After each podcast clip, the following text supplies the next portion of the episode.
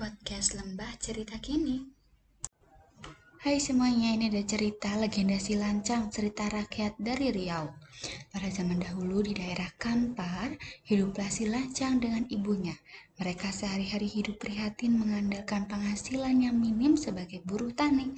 Keadaan ini membuat si lancang berpikir untuk memperbaiki nasib dengan pergi merantau. Pada suatu hari si lancang ber berangkat ke negeri orang, diceritakan si lancang bekerja keras bertahun-tahun lamanya. Segala perjuangannya tidak sia-sia.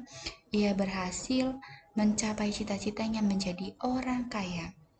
Akan tetapi, ia lupa pada ibunya dan segala janji manisnya dahulu. Pada suatu hari, si lancang singgah di kampar. Berita kedatangan si lancang terdengar oleh ibunya. Ia mengira bahwa si lancang pulang untuk dirinya. Dan tentunya akan kita lanjutkan ceritanya di next episode.